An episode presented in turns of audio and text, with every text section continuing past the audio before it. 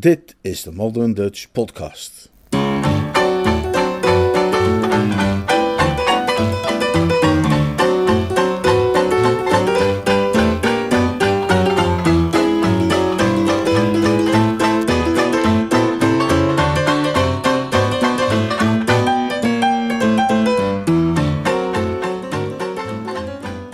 Eindelijk weer eens een aflevering die een beetje voldoet aan wat het oorspronkelijke plan was met deze podcast. Namelijk niet alleen het voorlezen van de Modern Dutch vertalingen van Woodhouse, maar ook zo af en toe eens iets te vertellen over het schrijven en zijn werk. Of het bespreken van publicaties en het, uh, het verslaan van bijeenkomsten rond Woodhouse, dat soort van dingen.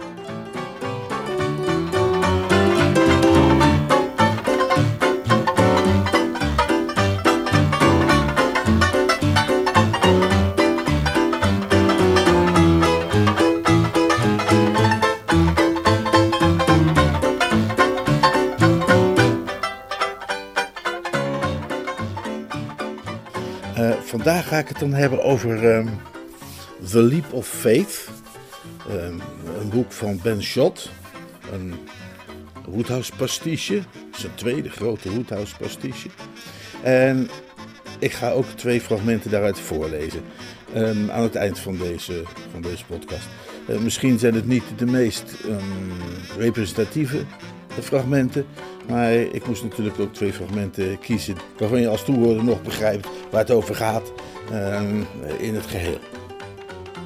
Dus een beetje op zichzelf staande uh, korte fragmenten.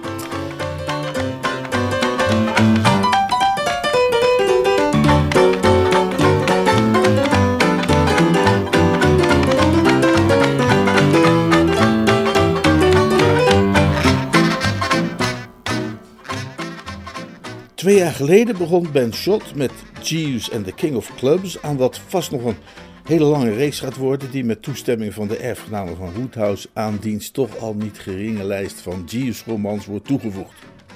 En onlangs verscheen dus Schotts tweede grote pastiche, Jeeves and the Leap of Faith.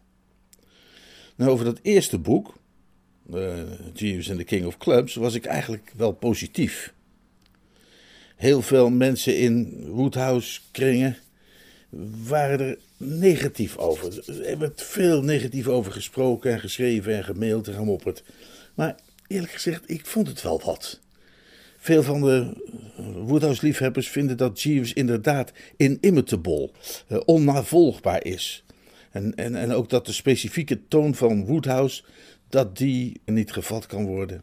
En er zit natuurlijk wel wat in, heel veel eigenlijk.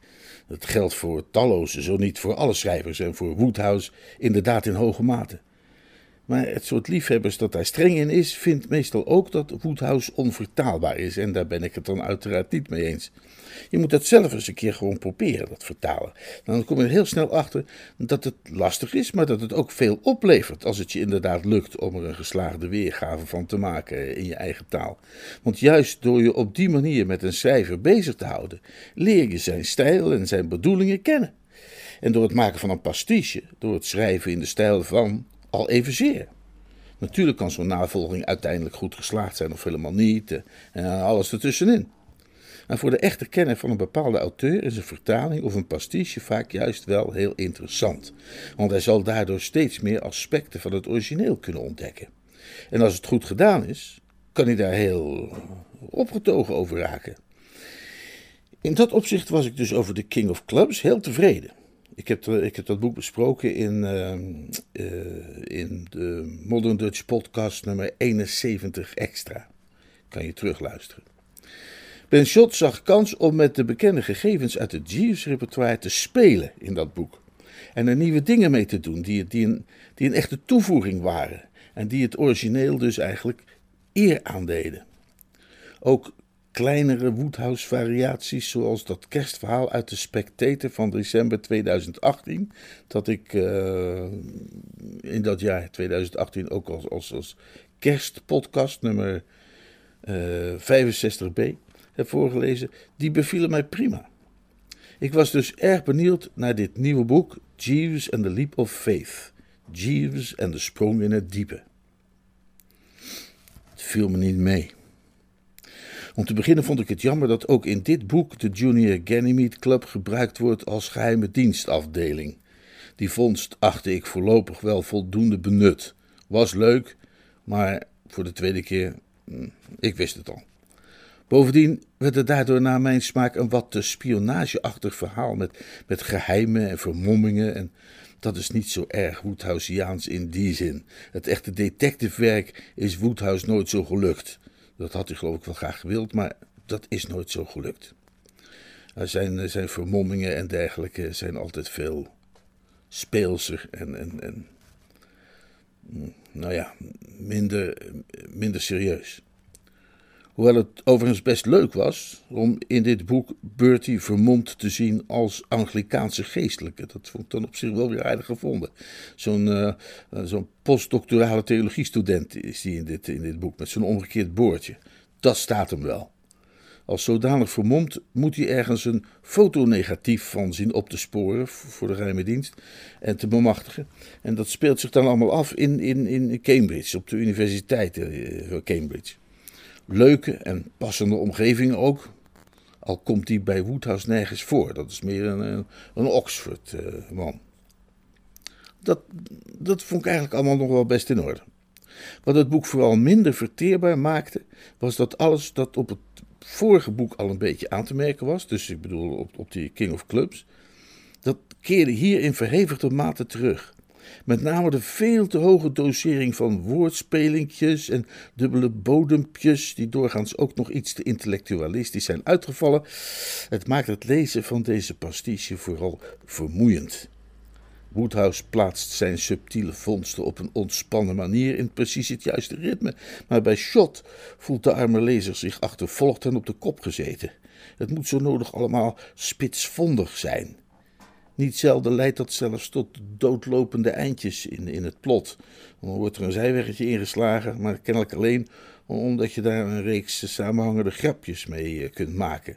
Zo'n doodlopend stukje is er bijvoorbeeld op bladzijde 107, waar de eerwaarde heer Woester, dat is dan alweer grappig natuurlijk, uh, waar de eerwaarde heer Woester gevraagd wordt om het gebed te zeggen aan de high table op een van de colleges, in het Latijn notabene, met rampzalige gevolgen natuurlijk. Ook bijvoorbeeld de passage waarin Jeeves en Bertie poetakjes spelen. Weet je wel, dat spelletje met die takjes die dan onder de brug uh, door moeten uh, spoelen. En wie er dan wint, dat doen ze dan bij de, bij de beroemde Clare-brug over de rivier de Cam in dit boek. Heel geestig stukje overigens. Bijvoorbeeld uh, deze Winnie de Pooh is een beer. Nee. Ja, jazeker. Nou, knorretje is een varken, nee? Ja, inderdaad. En er komen twee kangeroes in voor, meneer. Ja, dat klopt. In East Sussex, meneer. Leuk, grappig. Maar het valt buiten het plot. En, en, en, en die, dat, hele, die, dat hele fragment is verder nogal on, onwoedhousiaans, eh, zou ik maar zeggen, van stijl. Ik zal niet ontkennen dat die grapjes van Shot ook elders vaak heel goed gevonden zijn. Maar de grapdichtheid, kent u de term nog, is beslist te hoog. Nog gevaarlijk hoger dan in Jeeves en The King of Clubs. En het maakt het lezen als gezegd vermoeiend en op de duur zelfs stroef. Die te hoge grapdichtheid ontneemt het boek de lichtheid van een echte Woodhouse. Een echte Woodhouse laat de lezer vrij om allerlei grappen wel of niet te begrijpen. Je, je kunt doorlezen, het verhaal volgen. Je kan zelfs de hele grap helemaal niet opmerken.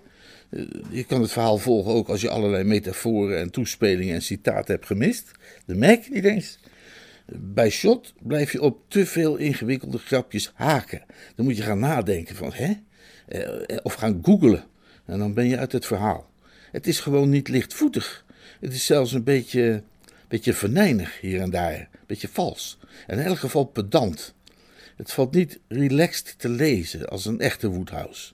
Dan denk je bijvoorbeeld ineens: East Sussex? Jeeves kent dus niet het boek Winnie de Pooh, maar hij weet kennelijk dus wel dat het in Ashdown Forest speelt, in East Sussex. Kan dat? Of houdt hij Bertie voor de gek? Hè? Wist hij het dus wel, maar houdt hij zich van de domme? Misschien. Bedoelt Shot dat zo? Weet ik niet. Ja, een beetje vals allemaal. Ja, ik moet bekennen dat ik het laatste deel van het boek bepaald moeizaam heb doorgeworsteld om die reden. Het verhaal interesseerde me op dat punt al lang niet meer en de stijl ervoer ik beslist als overdone. Leuk vind ik het nog als Gussie Fink Nottel, die bij Woodhouse in Right Ho Jeeves door Tante Dalia na zijn dronken vertoning bij het uitreiken van de prijzen op het lyceum van Market Snodsbury Spink Bottle wordt genoemd. Tante Dalia blijft hem Spink Bottle noemen. En hier bij Shot duikt hij opeens op als Drink Nottel. Vind ik leuk. Ook zelfs nog wanneer je een beetje thuis moet zijn in en rond Woodhouse om een opmerking te kunnen waarderen van een personage tegen Bertie als I did think you'd be wearing a monocle. Wel, Bertie dan antwoordt: I never wore a monocle in my life. Hm, Oké. Maar als het te sprake gebracht wordt dat volgens het boek Fortune Telling with Flowers, Gussie Fink Nottel en Vonka, Vonka is zijn love interest, zou ik maar zeggen, in dit boek, uh, dat die volgens dat boek zo goed bij elkaar passen, omdat Vonka een Dionea muscipula is en Gussie een Potamogeton perfoliatus. Staat op bladzijde 96. Dan moet je toch echt in je oude flora gaan opzoeken dat Shot bedoelt dat die Vonka een Venusvliegval is. Dat is de Nederlandse naam van die uh, Dionea muscipula. En, en, dat onze salamandervriend Gussie fonteinkruid is. Of in het Engels pondwiet. Haha. Nou, dat gaat, mij te ver. Vergezocht, dat is ook wel een woord dat erbij past. Het is niet voor niets dat kruiswoordpuzzels telkens opduiken in dit boek. Staat zelfs achterin een afgedrukt. Nou het is dat soort van geforceerde spitsvondigheid. Het, het kruiswoordachtige spitsvondigheid. Het verbaast dan uiteindelijk ook niet dat Shot het niet kan nalaten zijn eigen komische vondsten uh, gaandeweg te gaan toelichten of aanwijzen, soms binnen de tekst. Dan, uh, All quiet on the Western Front, Jeeves? En dan zegt Jeeves, remarkably, if sir will pardon the pun. Ja. Maar tenslotte doet hij dat zelfs in een lange reeks eindnoten achter in het boek. Dat vind ik een doodzonde. Dat disqualificeert voor mij dit boek definitief. Als er één soort boek luchtig, vanzelfsprekend en pretentieloos hoort te zijn, dan is dat een Woodhouse boek. Maar Jeeves and the Leap of Faith is gekunsteld, intellectualistisch en het wemelt van de pretenties. Het mag op de stapel bij Types of Ethical Theory en uh, Caliban at Sunset en Spindrift en het werk van Nietzsche. Het is fundamentally unsound.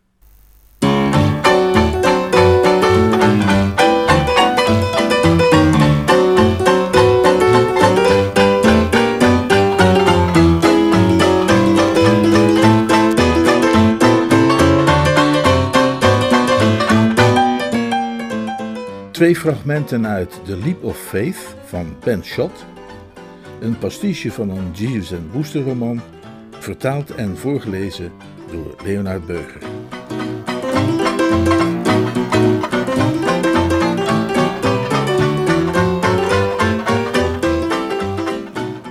Het eerste fragment is genomen uit het derde hoofdstuk. Bertie Wooster reist met de trein naar Cambridge om daar licht vermomd als een postdoctorale theologiestudent een spionneklusje te doen voor de Junior Ganymede, de club van butlers en persoonlijke bedienden, die, zoals we uit een eerdere pastiche van Ben Schott al weten, tevens dekmantel is voor een geheime dienst.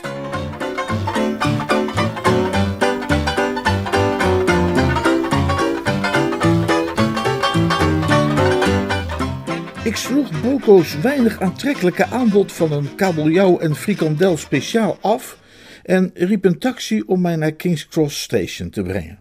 Daar kocht ik een kaneelbroodje en een enkeltje Cambridge.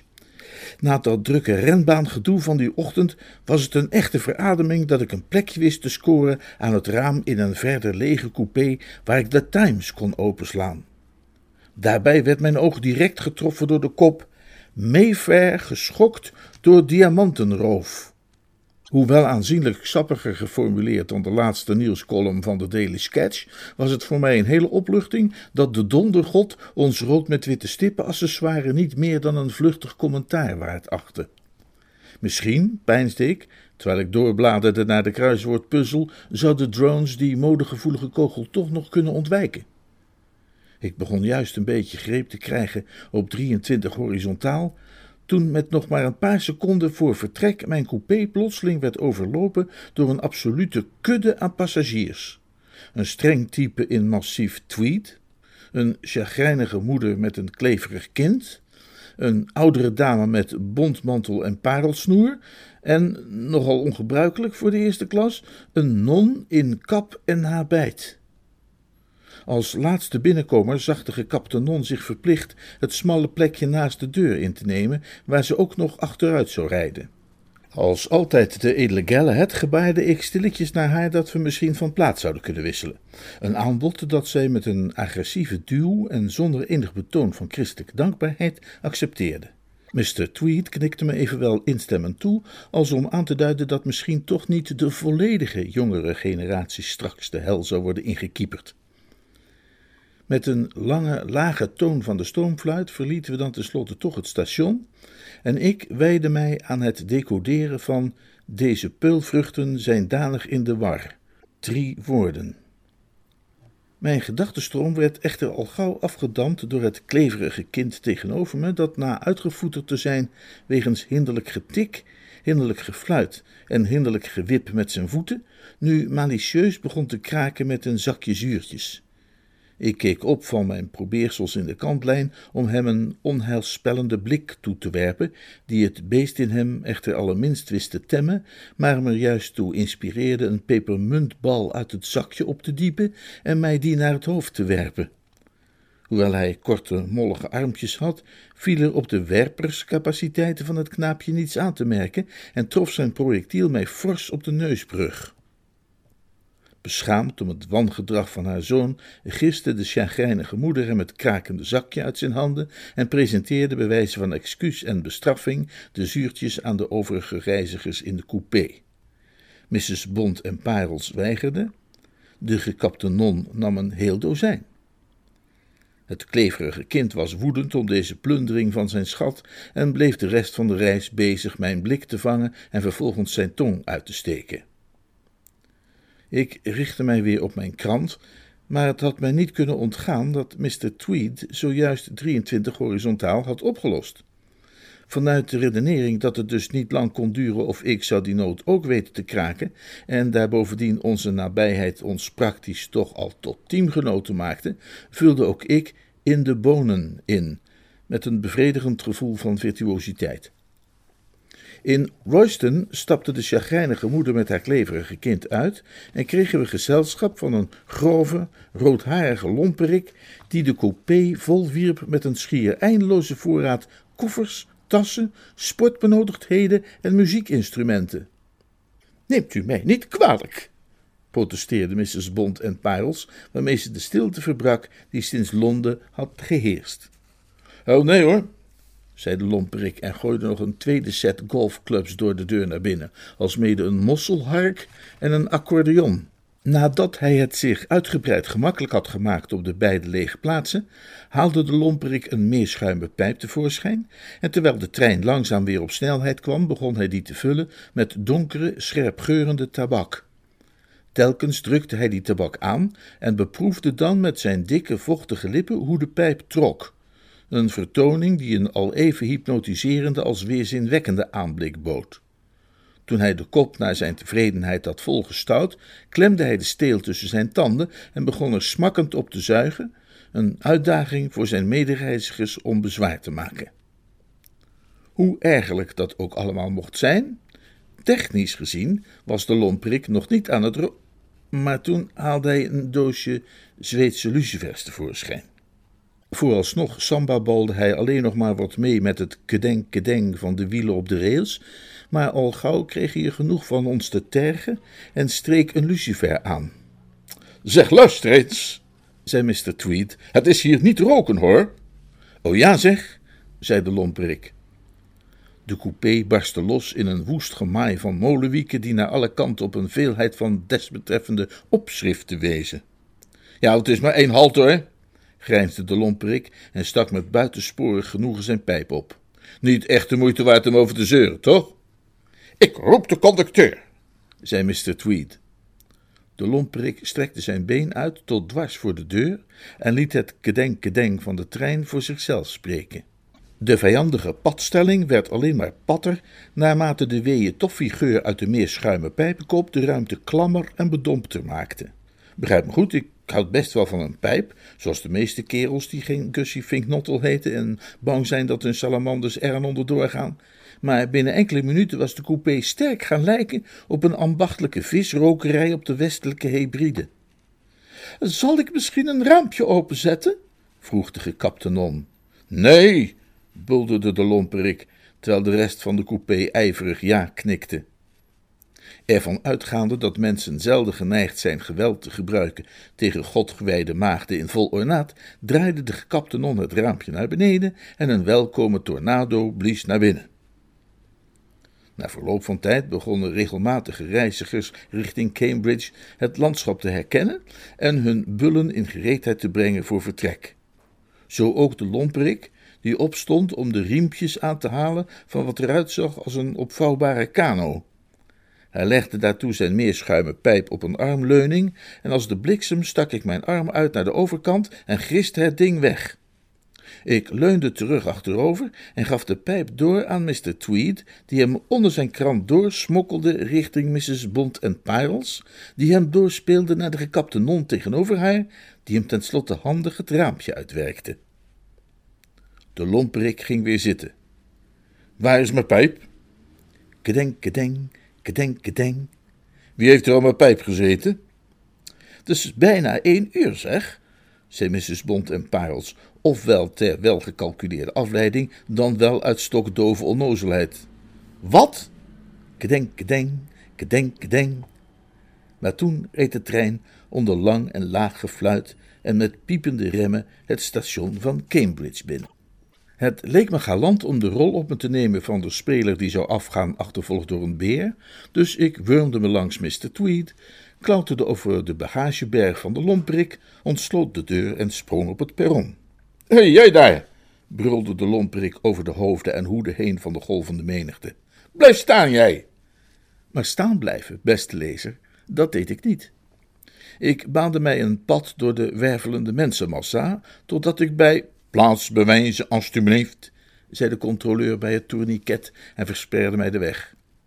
Ik klopte op alle voor de hand liggende zakken, inclusief het speciale kaartjeszakje dat, naar ik met stelligheid durf beweren, nog nooit gebruikt is voor iets dat zelfs maar vaag met kaartjes van doen heeft, maar zonder succes. Hé, hey, jij daar! De lomperik naderde gestaag. Blijf staan, jij! Gevangen tussen de onwrikbare regelvastheid van een geuniformeerde kaartjescontroleur en de ontembare brute kracht van mijn achtervolger, bleef ik als bevroren staan. Maar toen verscheen Mr. Tweed. Uh, ziet u die knaap daar achter ons? vroeg hij aan de controleur. Die zo naar ons staat te zwaaien? Een vriend van u? Mijn zoon, om precies te zijn. Hij heeft onze kaartjes, vandaar zijn opwinding. Wij zouden hier natuurlijk kunnen blijven staan wachten, tot hij zich door de menigte heeft gewurmd, maar... Nou, dat is wel in orde, meneer. De controleur wuifde ons door. Dan krijg ik uw kaartje straks wel van hem. Ik weet niet hoe ik u moet bedanken, hijgde ik terwijl we in de richting van de taxistandplaats snelden. Niks te danken, zei Mr. Tweed. Een van de voordelen als je rechter bent, is dat je de kneepjes leert van het vak.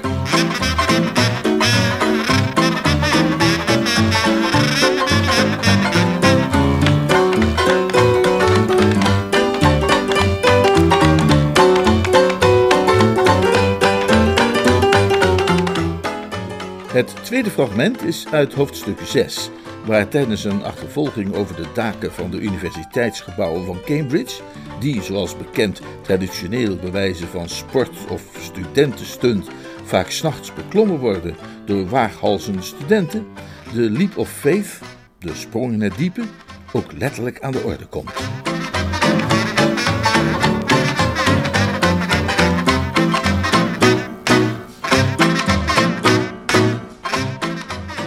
Ik maakte haast met de beklimming, maar eenmaal op de top ontdekte ik dat het eigenlijke dak was afgesloten met de dekzeilen. Dat betekende dat mijn enige twee opties waren rechtsaf te gaan langs de voorgevel van het Senaatsgebouw, in het volle zicht van een ieder die zich op de King's Parade bevond, dan wel linksaf richting Caius te glippen. Gedeeltelijk zichtbaar voor eventuele passanten in de Senaatssteeg. Aan terug omlaag klauteren viel niet te denken, gezien de bulderende uitlatingen van Whipplesnake, mijn achtervolger daar beneden. Ik koos voor links en terwijl ik achterlangs de balustrade kroop, kreeg ik een goed beeld in vogelvluchtperspectief van mijn nieuw gekozen college. Hoewel bij de meeste kamers de luiken met het duister waren gesloten, was er één stel vensters dat licht uitstraalde als een vuurtoren. Dichterbij kruipend zag ik dat het mijn eigen vensters waren, en nog nader schuifelend ontwaarde ik het adelaarsprofiel van Jeeves, die een raam openschoof en zijn hoofd naar buiten stak. Goedenavond, meneer. Goedenavond, Jeeves. Alsmede help. Mag ik aannemen, meneer, dat u wordt achterna gezeten? Ja, dacht je soms dat ik voor mijn gezondheid hierboven zat? Maar natuurlijk, meneer. Neemt u mij niet kwalijk. Twee handelswijzen lijken onmogelijk, naar mijn oordeel. Haast je vooral niet, Jeeves. Let maar niet op mij. De eerste, meneer, is een sprong van waar u nu staat tot aan dit venster. Oh, werkelijk, Jeeves. De beroemde en doorgaans dodelijke sprong van het Senaatsgebouw. Doe me een plezier, Jeeves, en noem me je andere optie. Dat zou zijn, meneer. Het met de klok mee voortzetten van uw omcirkeling van het dak, in de hoop dat Mr. Whipplesnake niet hetzelfde doet tegen de klok in. En als hij dat wel doet? Dan zal dat wellicht, naar ik veronderstel, tot een schermutseling leiden, meneer. Een schermutseling? Ja, meneer. Of handgemeen, wanneer u dat prefereert. Nou, niet echt. Hoe dan ook van vermoedelijk onaangename aard, gezien vooral ook de hoogte. Tenzij u uiteraard beide blijft rondgaan in dezelfde richting, zonder elkander te ontmoeten. Het geluid van zware voetstappen op krakende planken deed vermoeden dat dit kletscollege spoedig zou overgaan van het theoretische in een sinistere werkelijkheid. Jeeves hield het hoofd wat scheef. Het is grappig, meneer. Grappig, Jeeves? Hoe bedoel je grappig? Zoals een clown. Jij vindt dit leuk? Uh, grappig in de zin van merkwaardig, meneer. Het doet ons denken aan Winnie the Pooh bij zijn pogingen een woezel te verschalken in het woud. Een woezel? In de sneeuw. Tezamen met Knorretje. Rondom een boom in het honderdbundersbos. Afgezien van het feit uiteraard dat de woezel in dit geval werkelijk bestaat. Ik begon aan de formulering van een antwoord, maar zag daar al snel vanaf. Er zijn momenten niet waar dat zwijgen goud is. Whipplesnake was het daar niet mee eens. Ik weet dat je daar boven zit, klonk het half geschreeuwd vanuit de duisternis. Waarom geef je mij dat negatief niet als een verstandig kereltje? Dan zullen we het er verder niet meer over hebben. Ik hield mij stil als het graf en luisterde naar het versterven van de echo. Het lijkt me alleen maar sportief om je even te waarschuwen, klonk het verder. Ik heb een pistool. Ik wendde me weer tot Jeeves. Uh, uh, nog even over die sprong. Nee. Is dat veilig? Nee, meneer. Hm. Hoeveel denk je dat het is naar jou toe? Een kleine 2,20 meter, twintig, meneer. En van hier naar beneden? 25 meter, meneer. En dat plaveisel ziet er verdomd onbarmhartig uit. Inderdaad, meneer. En zelfs hier vandaan lijkt dat hek gevaarlijke punten te hebben. Inderdaad voorzien van een scherpe spits, meneer. Dus jij zou het, alles bij elkaar, liever niet wagen? Tja, meneer. Ik sta natuurlijk niet in uw schoenen, in letterlijke nog in metaforische zin. Ja, is dit nu heus tijd voor metaforen, Jeeves? Het antwoord op mijn vraag kwam van de klok van de Keeskapel, die middernacht sloeg in een botte vorm van symbolisme die ik eerlijk gezegd had kunnen missen als kiespijn. Daar ik Whipplesnake schaduw meende te bespeuren in mijn zogeheten perifere blikveld, zette ik mij schrap als een sprinter aan de start, haalde lang en diep adem legde mij geheel in de handen van het lot en sprong omhoog en voorwaarts de lege ruimte in.